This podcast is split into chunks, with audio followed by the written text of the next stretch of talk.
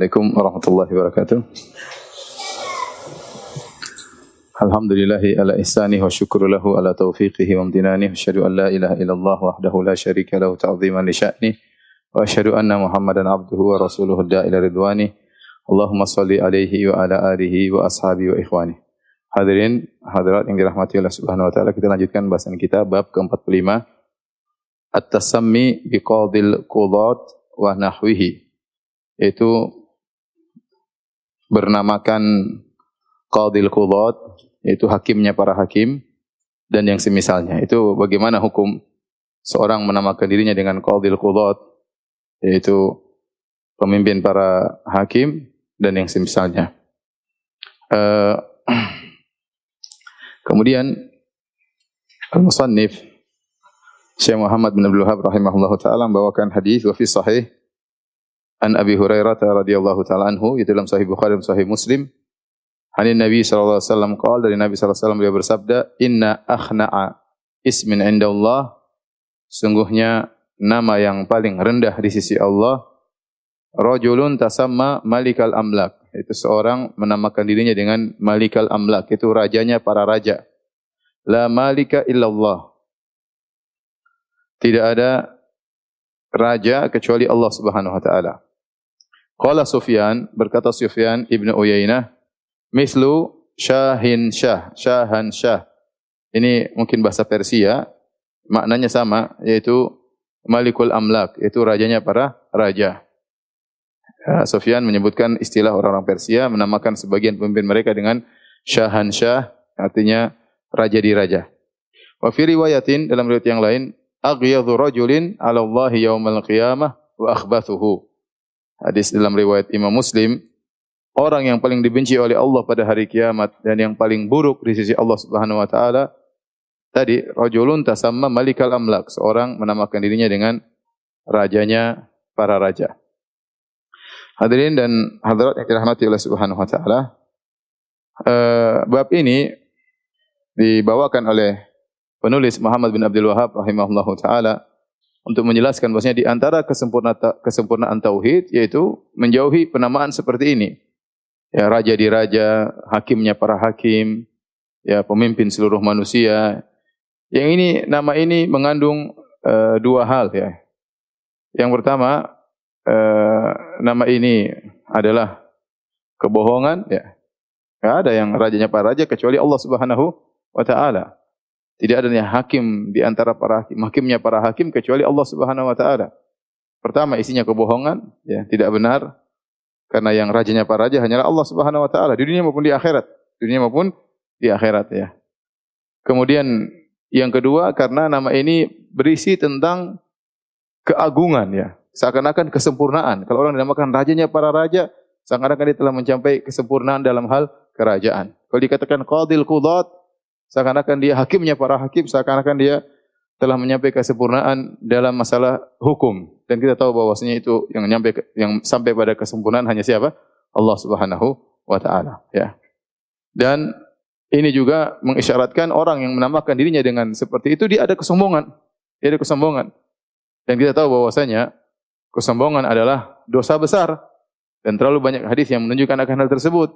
Seperti sabda Nabi SAW, La yadkhulul jannata man kana fi qalbihi mithqalu dzarratin min kibr. Tidak mau surga orang dalam hatinya ada kesombongan meskipun hanya sebesar zarrah.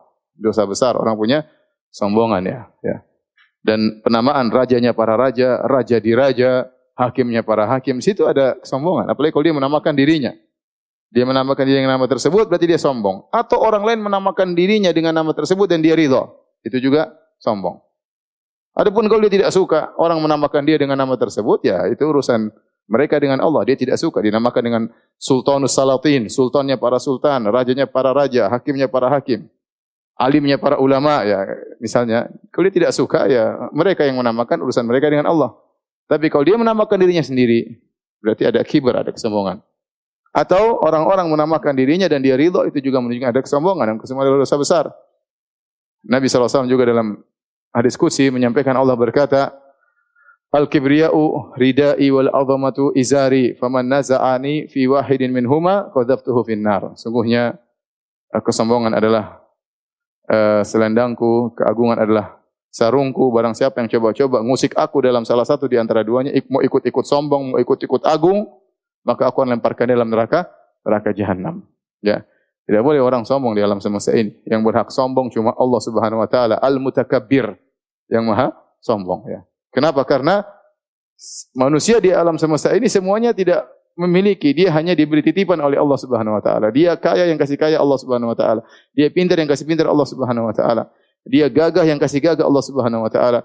Dia berkuasa yang kasih berkuasa Allah Subhanahu wa taala, ya. Kalau Allah berkehendak, ya. Tu'til mulka man tasha wa tanzi'ul mulka mimman tasha. Allah berkehendak, Allah kasih kerajaan kepada siapa yang Allah kehendaki. Kalau berkehendak Allah cabut kerajaan dari siapa yang Allah kehendaki. Ya.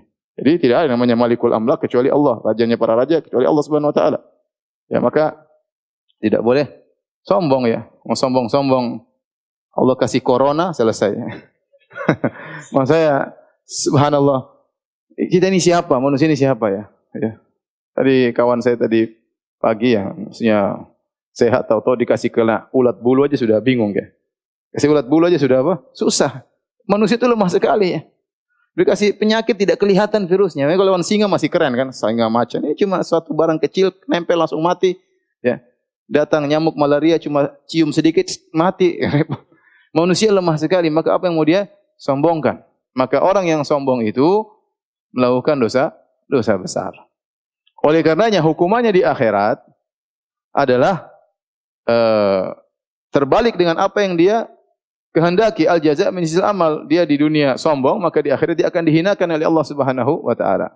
Dalam hadis kata Nabi sallallahu alaihi wasallam, "Innal mutakabbirina yuhsyaruna yaumal qiyamati ka'amsali ka'amsali dzarfi suwari rijal yakhshahumudz min kulli makan. Sungguhnya seorang orang-orang yang sombong pada hari kiamat kelak akan dibangkitkan oleh Allah Subhanahu wa taala dalam bentuk kecil seperti semut namun bentuknya manusia. Ukurannya seperti semut tapi bentuknya bentuk manusia. Yakhshahumudz min kulli makan. Seluruh kehinaan meliputinya. Dia hampir diinjak oleh manusia, hampir diinjak oleh hewan karena pada hari kiamat kelak tatkala padang mahsyar yang dikumpulkan bukan cuma manusia, burung-burung, hewan-hewan, wa idzal wuhusyu husyirat. Tatkala binatang-binatang buas juga dikumpulkan, ya burung-burung illa umamun amsalukum. Ya. Bahwasanya burung-burung juga dikumpulkan pada hari kiamat sementara dia kecil seperti semut terhina hampir diinjak oleh makhluk-makhluk yang lain. Kenapa? Karena selama ini dia merasa sombong. Selama ini dia merasa angkuh. Oleh karenanya kalau orang sudah menamakan dirinya dengan uh, Malikul Amlak, rajanya para raja, ya. Kemudian Qadil Qudat, ya, hakimnya para hakim, maka ini tidak diperbolehkan. Adapun nas yang datang, nas yang datang, maksudnya nas dalil yang datang berkaitan dengan nama Malikul Amlak, rajanya para raja. Tadi sudah kita bacakan dari Abu Hurairah radhiyallahu anhu, Nabi SAW bersabda, "Inna akhna'a ismin indallah." Sungguhnya nama yang paling hina ya karena dia sombong nama sombong. Maka pada hari akhirat dihinakan. Nama yang paling hina di sisi Allah ya. Rajulun tasamma malikal amlak. Seorang menamakan dirinya dengan malikal amlak rajanya para raja la malika illallah tidak raja kecuali Allah Subhanahu wa taala di dunia ini tidak ada rajanya para raja siapa rajanya para raja tidak ada masing-masing menguasai apa daerahnya siapa rajanya para raja enggak ada bahkan raja Presiden Amerika Serikat saja bisa dimakzulkan kalau terus rajanya para raja di mana? Siapa rajanya para raja di dunia ini? Siapa? Uni Soviet? Enggak. Amerika? Enggak. Saudi? Enggak. Enggak ada raja para raja. Masing-masing menguasai daerahnya. Dia pun satu saat bisa digulingkan oleh orang yang memberontak kepadanya. Bagaimana kemudian menamakan dirinya rajanya para raja? Di dunia tidak ada raja para raja, apalagi di akhirat lebih-lebih tidak lagi raja. Kata Allah Subhanahu wa taala, Maliki yaumiddin, raja di hari pembalasan. Makanya Allah berkata, "Limanil mulkul yaum lillahil wahidil qahar." Allah bertanya, "Limanil mulkul yaum?" Sekarang ini di akhirat di hari kiamat, kerajaan milik siapa? Enggak ada yang berani jawab. Allah bertanya, "Kerajaan milik siapa?" Enggak ada yang berani jawab. Lillahil wahidil qahar. Kerajaan hanya milik Allah yang Maha Esa dan Maha Kuasa. Ya. Demikian dalam hadis Allah Subhanahu wa taala pada hari kiamat berkata, "Anal Malik, aina mulukul ard?" Aku adalah raja. Mana raja-raja dunia? Enggak ada raja dunia.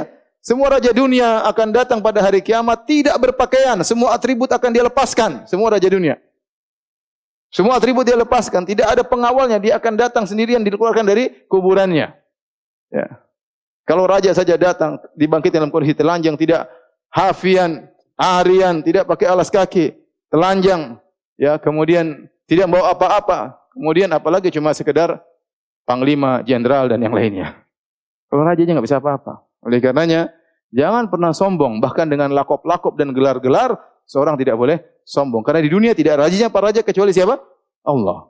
Allah yang tu'til mulka man tasya' wa tanzi'ul mulka mimman. Allah berikan kerajaan kepada siapa yang dia kehendaki, Allah cabut dari siapa yang kehendaki kerajaan tersebut. Wallahu yu'ti mulkahu may yasha. Allah berikan kerajaan kepada siapa yang dia kehendaki.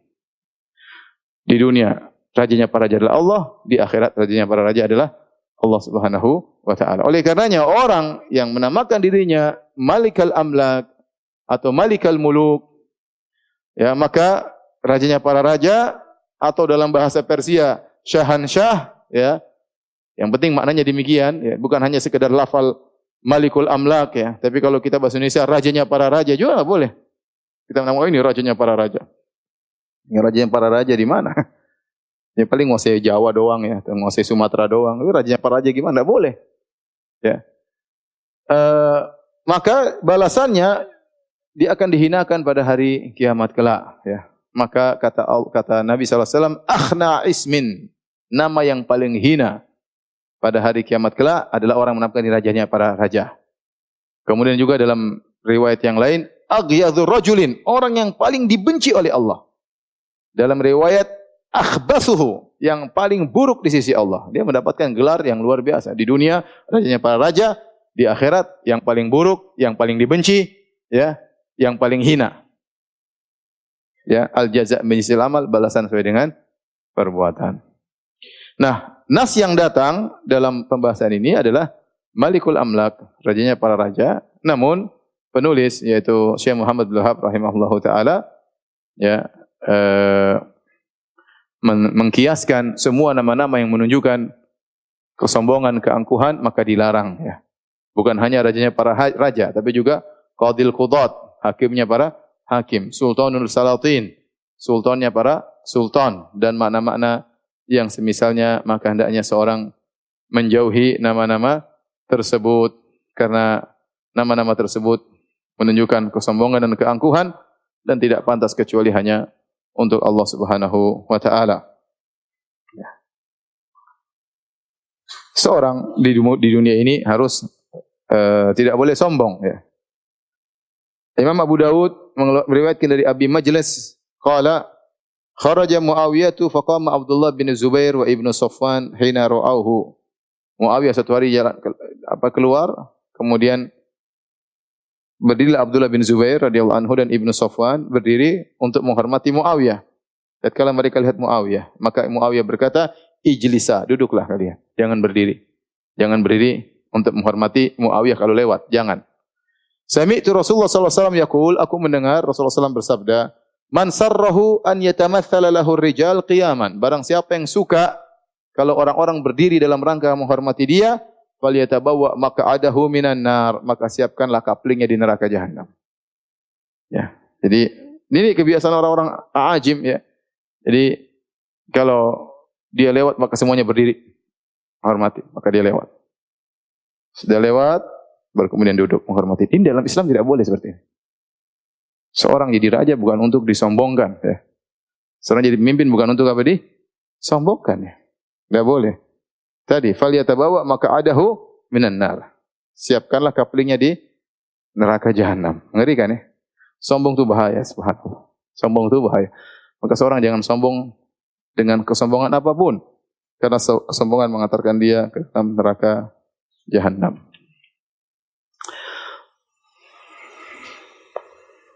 Taib. Para ulama khilaf tentang nama Qadil Qudat. Ya. Qadil qadat ya.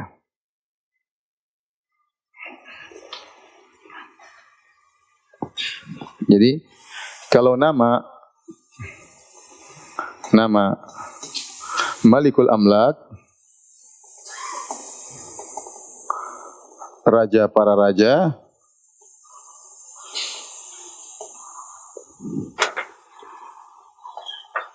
raja para raja, maka ini hukumnya haram. Ini hukumnya haram dengan nas nas hadis. Nah, apakah bisa dikiaskan kepada nama yang lain? Apakah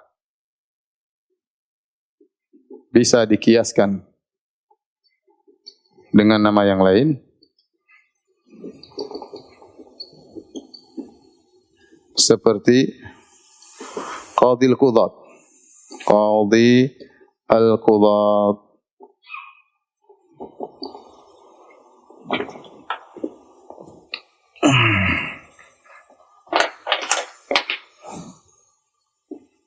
Hakimnya para hakim.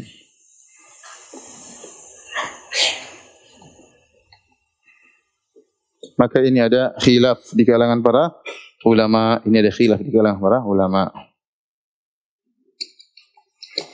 Ada tiga pendapat ya.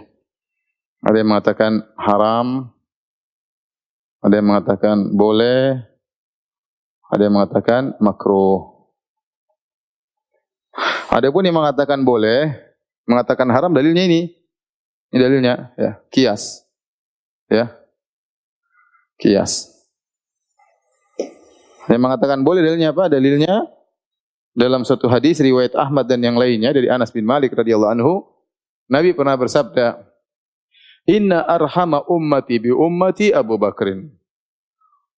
Orang dari umatku yang paling sayang kepada umat Islam adalah Abu Bakar. Wa asyadduha fi dinillahi Umar bin Khattab. Orang yang paling kencang dalam agamanya adalah Umar bin Khattab radhiyallahu taala anhu.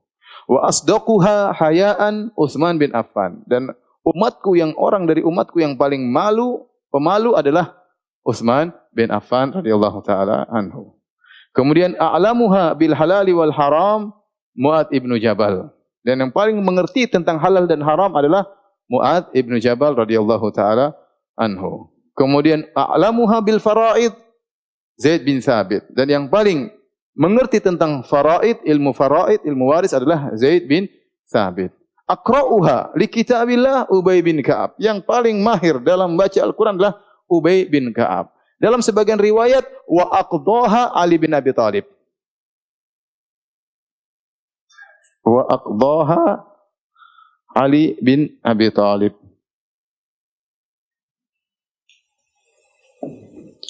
Aqdaha yaitu yang paling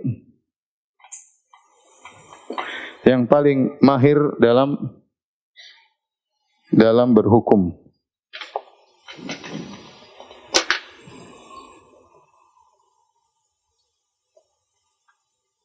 Hmm, dalam berhukum. Taib. Mereka berkata bahwasanya oleh karenanya di antara ulama ada yang diberi gelar dengan qadil qudat. Sebagian ulama ada yang diberi gelar dengan apa? Qadi al-qudat, yaitu qadinya para qadi ya. Makanya para ulama khilaf. Syekh, Syekh Muhammad bin Wahab rahimahullah taala berpendapat hukumnya haram karena mengkiaskan dengan Malikul Amlak ya. Karena nama ini mengandung kesombongan, keangkuhan dan tidak ada yang menguasai kecuali siapa? Allah. Sama dengan hukum qadil qudat, hakimul hakimin misalnya ya qadil qudat, qadinya para qadi, maka yang yang hukumnya tidak bisa ditolak cuma siapa? Allah Subhanahu wa taala. Nah, sebagian ulama mengatakan boleh karena ada sabda Nabi wa aqbaha Ali radhiyallahu anhu yang paling hukumnya paling bagus siapa? Ali bin Abi Thalib radhiyallahu taala anhu. Allah alam saya lebih condong kepada hukumnya apa? Haram ya. Karena yang pertama Nabi tidak menamakannya dengan qadil qudat ya. Nabi menjelaskan bahwasanya di antara umatnya yang paling pandai dalam berhukum siapa? Ali bin Abi Thalib. Sama Nabi mengatakan yang paling sayang siapa? Uh, Abu Bakar ya. Ya. Tidak tidak boleh kita menamakan seorang manusia arhamur rahimin. Boleh atau tidak? Ya, padahal Nabi mengatakan yang paling rahmat siapa? Abu Bakar. Tapi kalau kita namain orang arhamur rahimin enggak boleh. Sama, qadil qudat lain ini kabar. Nabi mengkabarkan Ali bin Abi Thalib adalah orang yang paling pandai dalam apa? Berhukum. Bukan maknanya qadil qudat karena qadil qudat ini maknanya seakan-akan hakimnya para hakim seakan-akan ada kesempurnaan ya. Ada kesempurnaan. Padahal yang sempurna hanya siapa? Allah Subhanahu wa taala. Oleh karenanya saya lebih condong bahwa hukumnya haram, tidak boleh kita menamakan seorang meskipun dia sangat hebat kita bilang qadil qudat, enggak boleh. Kecuali kata para ulama, misalnya cuma dalam suatu instansi tertentu. Kita bilang hakimnya para hakim di sini, ini si fulan. Ya, seperti saya. Firanda adalah hakimnya para hakim di rumahnya. kalau begitu kata para ulama, tidak apa-apa. Karena dia cuma terbatas pada ruang lingkup tertentu. Tapi kalau dimutlakan hakimnya para hakim, ini ada keangkuhan dan kesombongan. Paham di sini? Paham tidak? Baik. Raja di raja ya, rajanya para raja.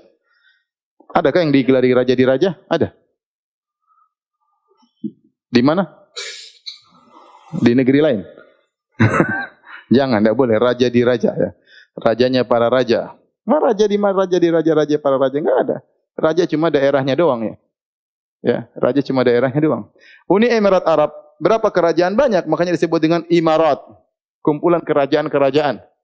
Namanya Uni Emirat Arab. Masing-masing punya kerajaan. Apakah dia raja di raja? Tidak. Buktinya ketika Dubai ingin bangun Burjul Khalifah, dia nggak punya duit, maka dia pinjam kepada raja Raja Abu Dhabi, Abu Dhabi kalau bahasa kita. Abu Dhabi raja Khalifah, Syekh Khalifah. Maka dia kasih bantuan untuk membangun bangunan tertinggi di dunia. Makanya bangunan tower tersebut dinamakan dengan Tower Al Khalifah karena duitnya dari raja satunya. Mana raja di raja, duit saja nggak ada untuk bikin apa? Untuk bikin tower ya. Oleh karenanya nama-nama seperti itu dijauhi karena yang berhak dinamakan dengan nama tersebut hanyalah siapa? Allah Subhanahu wa taala. Baik. Bab berikutnya. Bab nomor 46.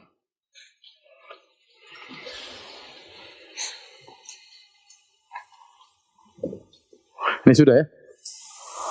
Sudah? Tolong dihapus. Tunggu, tunggu, tunggu, tunggu. Ada yang mau foto? Ada yang foto sebentar. Ya udah berdiri berdiri. Berdiri foto.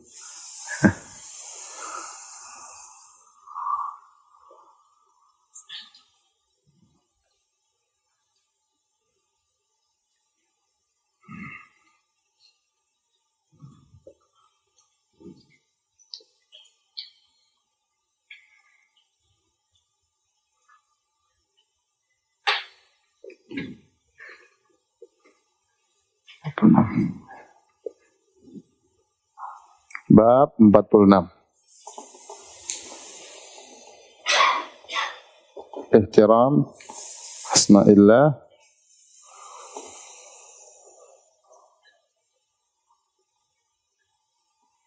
وتغيير الاسم لأجله تغيير الاسم لأجل ذلك li ajli dhalik li ajli dhalik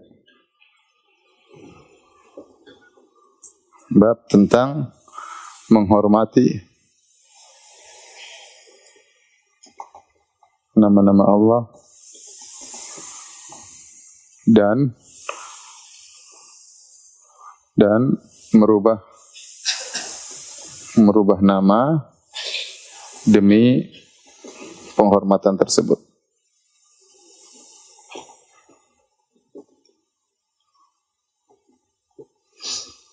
Ini masih katanya dengan bab sebelumnya, bab 45. Kalau bab 45, tidak boleh seorang menamakan dirinya ibtidaan uh, secara awal dia langsung menamakan diri dengan nama Malikul Muluk, Malikul Amlak, Qadil Qudad, nggak boleh.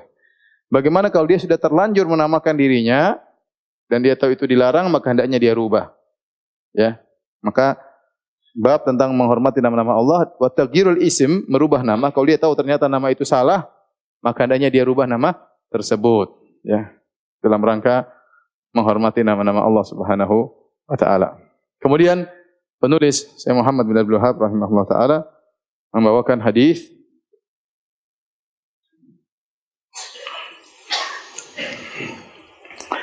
An Abi Shuraih An Abi Shuraih annahu kana yukna Abul Hakam. Abu Shuraih seorang sahabat radhiyallahu anhu ya namanya Khuwailid bin Amr Al-Khuzai. Ya. Beliau termasuk yang masuk Islam tatkala Fatu Makkah, sahabat ini. Hadis-hadis diriwayatkan dari beliau ada 20 hadis. Di antaranya dua hadis diriwayatkan oleh Imam Bukhari dan Muslim dan Imam Bukhari bersendirian meriwayatkan satu hadis.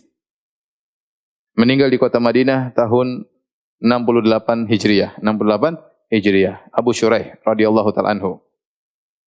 Annahu kana yukna Abul Hakam. Beliau radhiyallahu anhu dikunyah, diberi kunyah dengan panggilan Abul Hakam.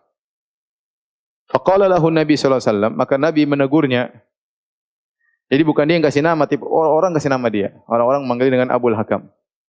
Maka Nabi menegurnya, Nabi berkata sallallahu alaihi wasallam, "Inna Allah wal hakam." Allah lah dia Al-Hakam. Al-Hakam itu yang memutuskan segala perkara, yang segala urusan kembali kepada Allah Subhanahu wa taala. Wa ilail hukmu dan seluruh hukum kembali kepada Allah. Falima tukanna Abul Hakam? Kenapa engkau diberi kunyah dengan Abul Hakam? Faqala inna qaumi, maka dia jelaskan, inna qaumi idza ikhtalafu fi syai'in atawni.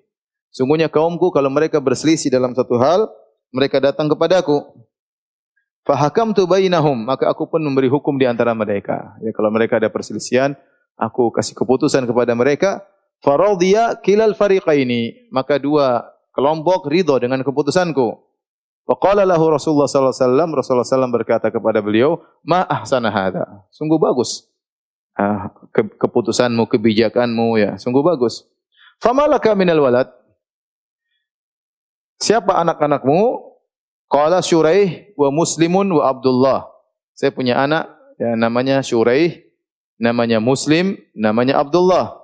Qala faman akbaruhum? Siapa yang paling tua di antara tiga anak ini? Syuraih, Muslim dan Abdullah. Faman akbaruhum? Siapa yang paling tua? Qultu Syuraih. Yang paling tua adalah Syuraih. Qala fa anta Abu Syuraih. Kalau gitu engkau Abu Syuraih, bukan Abul Hakam tapi apa Abu Syuraih. Rawahu Abu Dawud wa ghairuhu. Diriwayatkan Imam Dawud dan yang lainnya. Kunyah ya. Kunyah adalah suatu yang hanya milik bahasa Arab, ya. orang Arab pakai kunyah. Orang lain enggak ada pakai kunyah. Ya, kunyah Abu atau Ummu ya. Abu Fulan ya. Jadi ada kunyah, ada lakop. Ada kunyah, ada nama, ada lakop. Lakop apa? Gelar. Kalau kunyah ya nama, nama asli. Ya uh, kunyah, nama nama asli. Seperti nama siapa? Siapa sini? Siapa kunyahnya? Eh. Misalnya namanya Budi. Kunyahnya Abu Abdullah, gelarnya ya. Si siapa? Misalnya gitu. Kalau Indonesia, Indonesia kunyah nggak ada. Kunyah nggak ada. Kunyah itu cuma untuk bahasa apa? Bahasa Arab. Kalau untuk yang lain nama dan gelar. Dalam bahasa apa pun ada nama dan apa? Gelar. Tapi kalau kunyah khusus buat untuk orang waktu bahasa Arab yang menggunakan kunyah itu cuma orang apa? Orang Arab. Adapun nama dan gelar maka semua bahasa menggunakannya. Oleh karenanya kunyah ini khusus bahasa Arab. Nama adalah eh, nama seorang sejak lahir ya. Nama seseorang ketika dia lahir.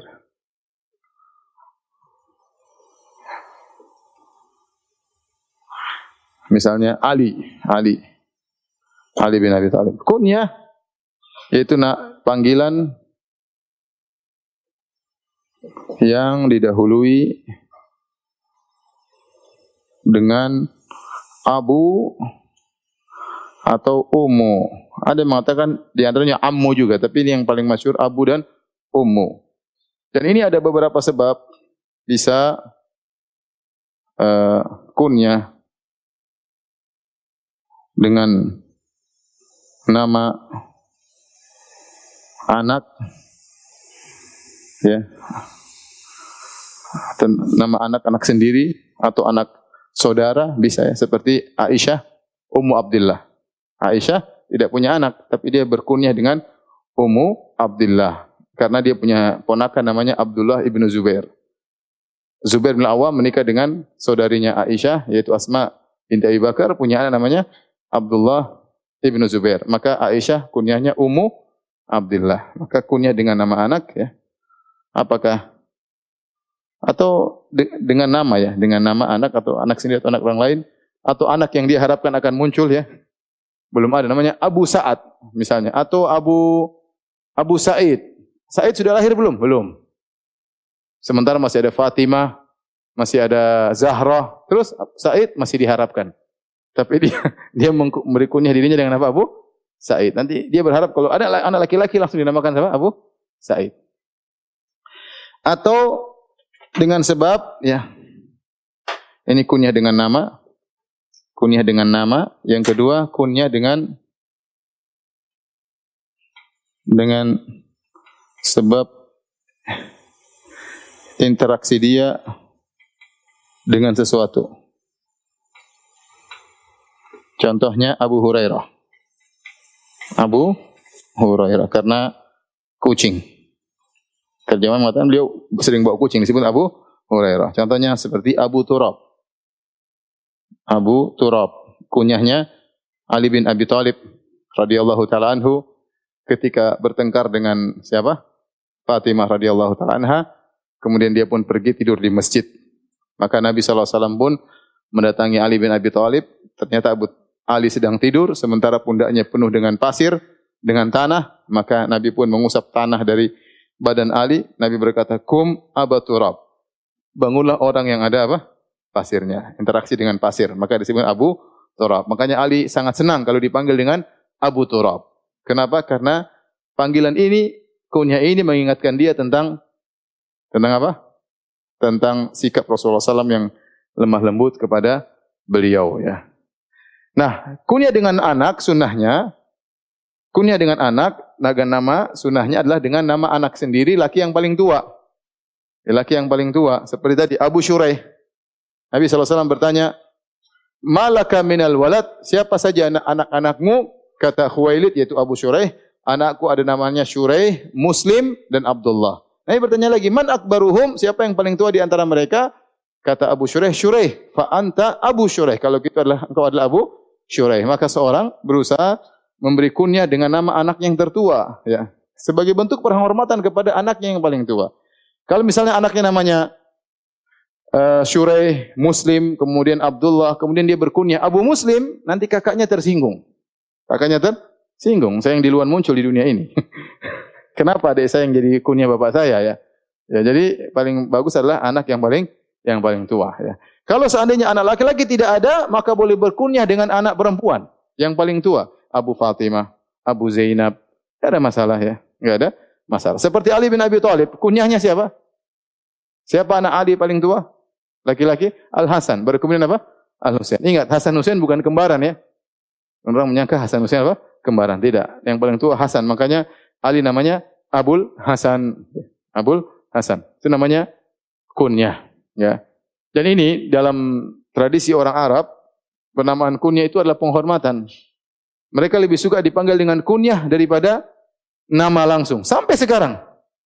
Saya punya teman misalnya Abdullah, saya panggil ya Aba Abdul Razak. Padahal panjang, Aba Abdul Razak kepanjangan. Kalau kita ya Dul. Selesai. Orang Arab eh, kalau manggil mereka panggil dengan kunyah, mereka lebih senang ya. Ya, seperti teman saya lagi namanya ya anaknya kunyah Abu Muad. Paling senang Abu Muad ya. Saya punya kawan, saya tidak pernah panggil namanya. Hampir mungkin mungkin sekalipun saya nggak pernah panggil namanya. Sejak saya mengenal dia dari saya S1 sampai sekarang, sampai sekarang sudah tahun ke-19, saya sering ketemu dia kalau saya ke Madinah, saya kenal dia dengan nama Abu Ja'far, padahal namanya Jamal. Namanya Jamal, ya. Jamal Al-Hajrasi, orang Libya. Tapi saya selalu panggil dia Abu Ja'far karena dia suka orang Arab begitu, suka dipanggil dengan apa? Kunyahnya, ya. Tapi kalau orang tanya sama antum, antum siapa namanya? Abu Ja'far. Enggak, saya tanya nama, bukan kunyah. Joko. Oke, okay, apa? Nah, apa ada masalah. Kalau kunyah baru Abu Ja'far. Kalau nama lain makanya ditanya nama jangan jawab apa? Kunyah. Tapi kalau kita tahu orang itu suka dipanggil dengan kunyah, jangan kita panggil nama. Paham? Misalnya siapa namanya? Joni. Ya. Kunyahnya Abu Tono misalnya, Abu Joni, Abu Joko.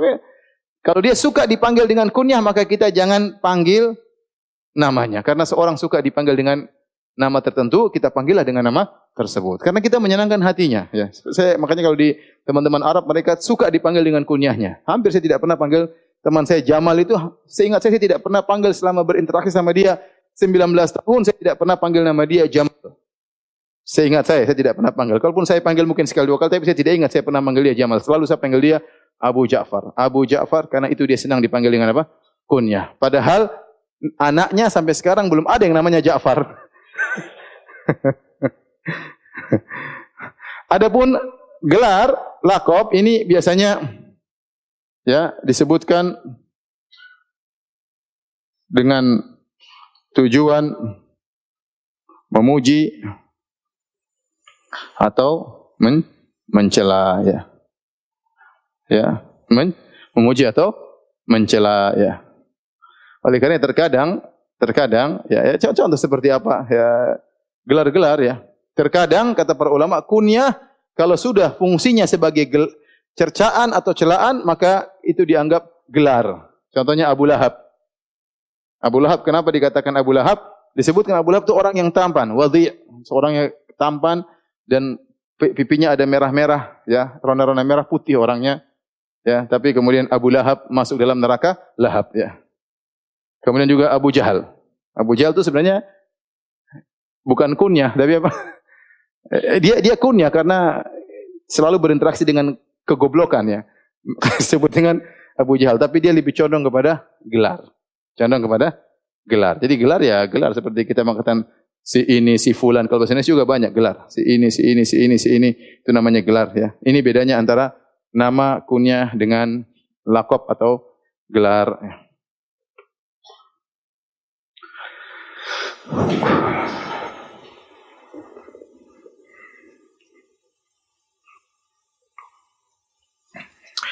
Baik.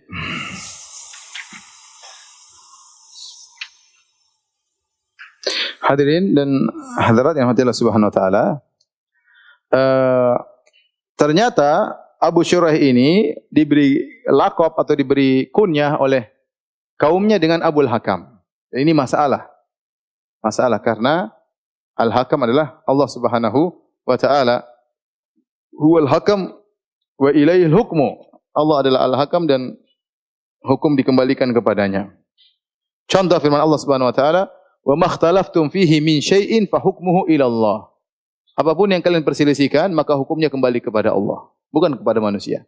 "Wa makhtalaftum fihi min syai'in fa hukmuhu ila Allah." Apapun yang kalian perselisihkan hukumnya kepada Allah. Demikian juga firman Allah Subhanahu wa taala, Fa in tanaza'tum fi syai'in farudduhu ila Allah war Rasul in kuntum tu'minuna billahi wal yawmil akhir dzalika khairun wa ahsanu ta'wila. Jika kalian bersih tentang suatu ya, maka kembalikanlah kepada Allah. Jadi Allah Subhanahu wa taala adalah Al-Hakam. Uh, makanya Nabi SAW tatkala tahu ceritanya Abu Syuraih ini diberi kunya Abu Hakam karena setiap orang kalau ada dua kelompok bermasalah kembali kepada dia, dia putuskan maka orang menerima, maka ini perkara menjadi masalah ya. Perkara menjadi masalah. Tapi saya akan jelaskan sekarang ya. Ini sudah ya, tolong dihapus.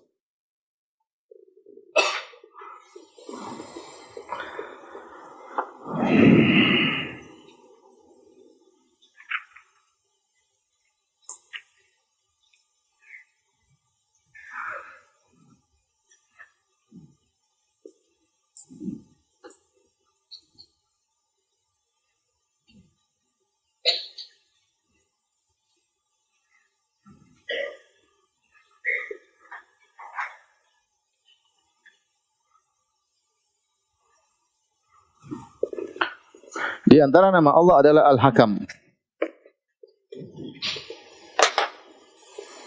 Di antara nama-nama Allah yang indah, Asmaul Husna yaitu Al-Hakam. Al-Hakamu. Kenapa? Karena segala keputusan harus kembali kepada Allah, ya. Karena segala keputusan harus kembali kembali kepada Allah. Tadi ayat-ayatnya tadi di antaranya apa? Ya. Wa makhtalaftum wa makhtalaftum fihi min syai'in fa hukmuhu ila Allah.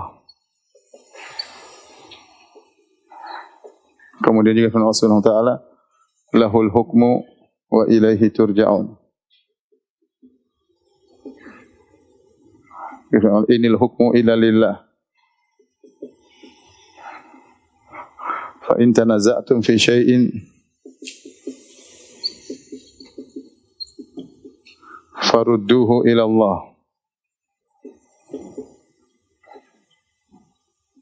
Wa anihkum bainahum wa anihkum bainahum bima anzalallah. Afa hukmal jahiliyah?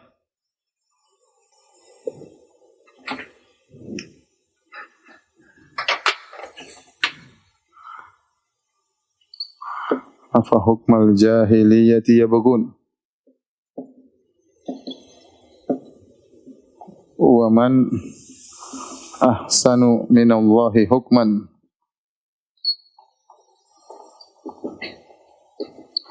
Ini di antara dalil-dalil kata Allah wa makhtalaftum fi syai'in ma makhtalaftum fihi min syai'in fa hukmu ila Allah.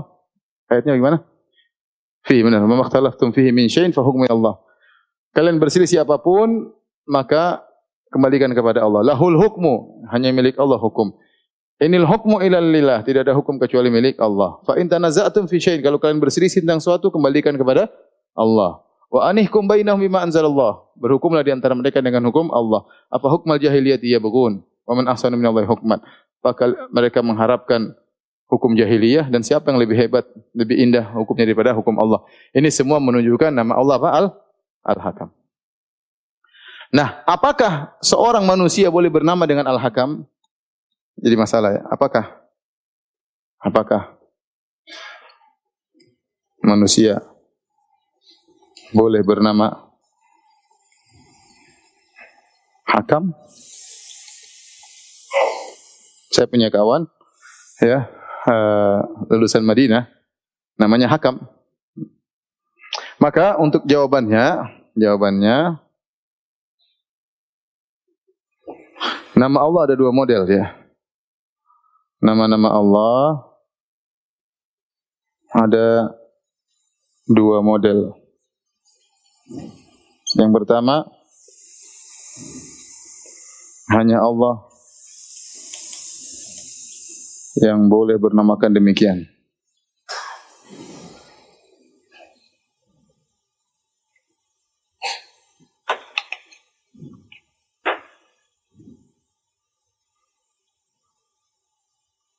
pakai nama tersebut. Yang kedua, manusia juga boleh bernamakan tersebut.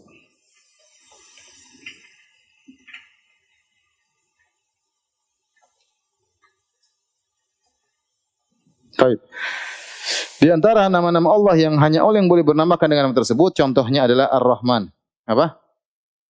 Ar-Rahman. Ar-Rahman itu zat yang rahmatnya sangat banyak ya.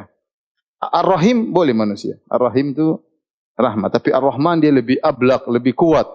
Ya, Ar-Rahim itu berkaitan rahmat yang sampai kepada uh, manusia. Tapi Ar-Rahman ini hanya boleh nama Allah Subhanahu wa taala. Seperti Al-Khaliq. Yang menunjukkan rububiyah Allah Subhanahu wa taala. Ar-Razzaq yang Maha Pemberi apa? Ini contoh nama-nama yang hanya boleh Allah Subhanahu Al-Mutakabbir. Yang Maha sombong misalnya, ya. Ini hanya nama-nama yang menunjukkan orang tahu ini hanya Tuhan yang boleh bernama dengan nama-nama tersebut ya. Oleh karena tidak boleh manusia dinamakan dengan nama-nama ini ya.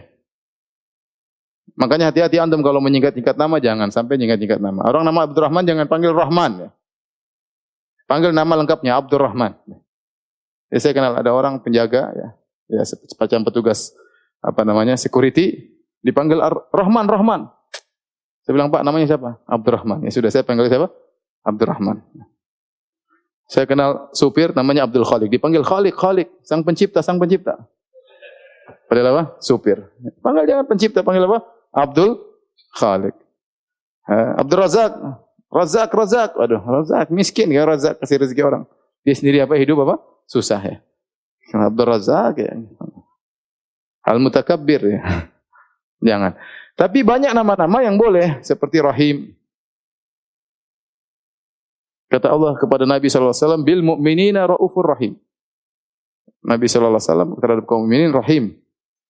Contohnya sami basir faj'alnahu sami'an basiran ya. Seperti Al-Aziz.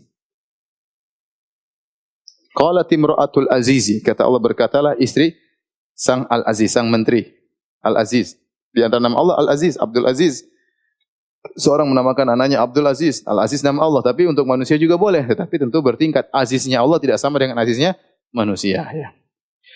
Oleh karenanya saudara-saudara Nabi Yusuf berkata Ya ayyuhal azizu, masana wa ahlana dhurru, wahai sang orang yang mulia, al-aziz. Ya.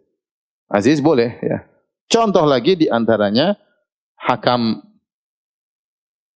Hakam dalam Al-Quran Allah berfirman, wa in khiftum shiqaqa bainihima faba'athu hakaman min ahlihi wa hakaman min ahliha. I yurida islaha yuwaffiqillahu bainahuma. Kata Allah Subhanahu wa taala, jika kalian khawatir keributan perpisahan antara suami dan istri, fab'atsu hakama min ahliha, maka kirimkanlah hakam hakim dari pihak suami wa hakama min ahliha dan hakim dari pihak keluarga istri. Allah menamakan manusia dengan apa? Hakam, ya. Allah menamakan. Oleh karenanya di antara nama yang boleh manusia bernamakan dengannya adalah apa? Al-Hakam. Taib. Lantas kenapa Nabi melarang Abu Syuraih bernama dengan Abul Hakam?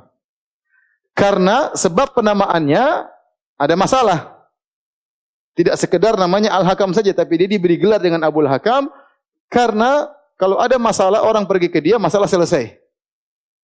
Maka seakan-akan dia benar-benar memegang hukum. Nah ini ada bahaya seperti itu. Seandainya bukan karena sebab tersebut, sekedar nama saja. Kenapa nama Hakam? Ya saya suka aja. Mungkin nggak dilarang oleh Nabi SAW. Paham? Karena dalam syariat menamakan orang dengan hakam itu boleh. Ya. Seperti Al-Aziz, seperti Rahim boleh. Tetapi Nabi melarang karena ada sebab. Sebab dia dinamakan dengan Al-Hakam atau Abul Hakam karena semua orang kalau ada masalah datang kepada dia ridho. Ya, sehingga khawatir dia dianggap sempurna padahal yang sempurna dalam hukum cuma siapa? Allah Subhanahu wa taala. Maka untuk menutup celah-celah seperti ini, maka Nabi menyuruh namanya diganti dengan Abu Shuraih, jangan dengan Abul Hakam. Paham sampai sini? Saya ulangi, seandainya dia dinamakan Al-Hakam bukan karena sebab tersebut, maka tidak mampu. Oleh karenanya, Ibnu Hajar rahimahullah menyebutkan ada banyak sahabat yang namanya Hakam. Dan tentu Nabi tahu dan Nabi tidak suruh rubah. Jadi Nabi menyuruh Abu Syuraih merubah dari Abu Hakam jadi Abu Syuraih karena sebab tertentu. Karena sebab apa? Tertentu. Padahal sahabat banyak namanya Hakam. Demikian juga sebagian sahabat gelarnya Abul Hakam. Sebagian sahabat gelarnya Abul Hakam. Ya, oleh karenanya penamaan tersebut dilarang karena ada sebab tertentu, seakan-akan orang ini sudah mencapai kesempurnaan, setiap masalah dia yang memberi keputusan, maka diberi gelar dengan Abul Hakam, ya maka ini tidak pantas, jangan diberi gelar tersebut, karena memberi kesan seakan-akan dia sempurna, yang seperti ini, kalau ada masalah keputusannya hanya bisa diterima cuma siapa? Allah Subhanahu wa taala, manusia tidak ada yang sempurna. Inilah uh, pembahasan yang berkaitan dengan bab ini.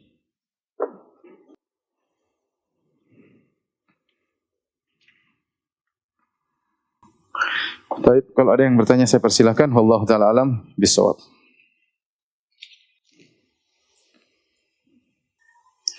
Apa hukum nazar seorang akhwat melalui foto, mengingat jarang yang cukup jarak yang cukup jauh? Uh, kalau ada keperluan nggak ada masalah karena hukum foto hukumnya boleh. Kalau memang ada keperluan tidak jadi masalah ya.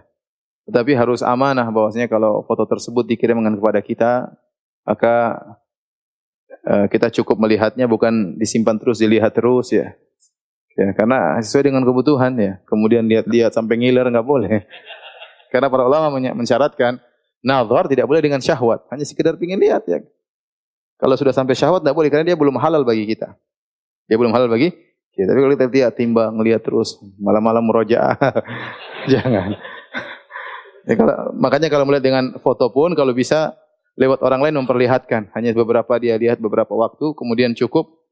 Maka itu tidak ada masalah insya Allah Ta'ala. Tapi kalau disimpan di HP-nya, dia lihat kapan dia mau.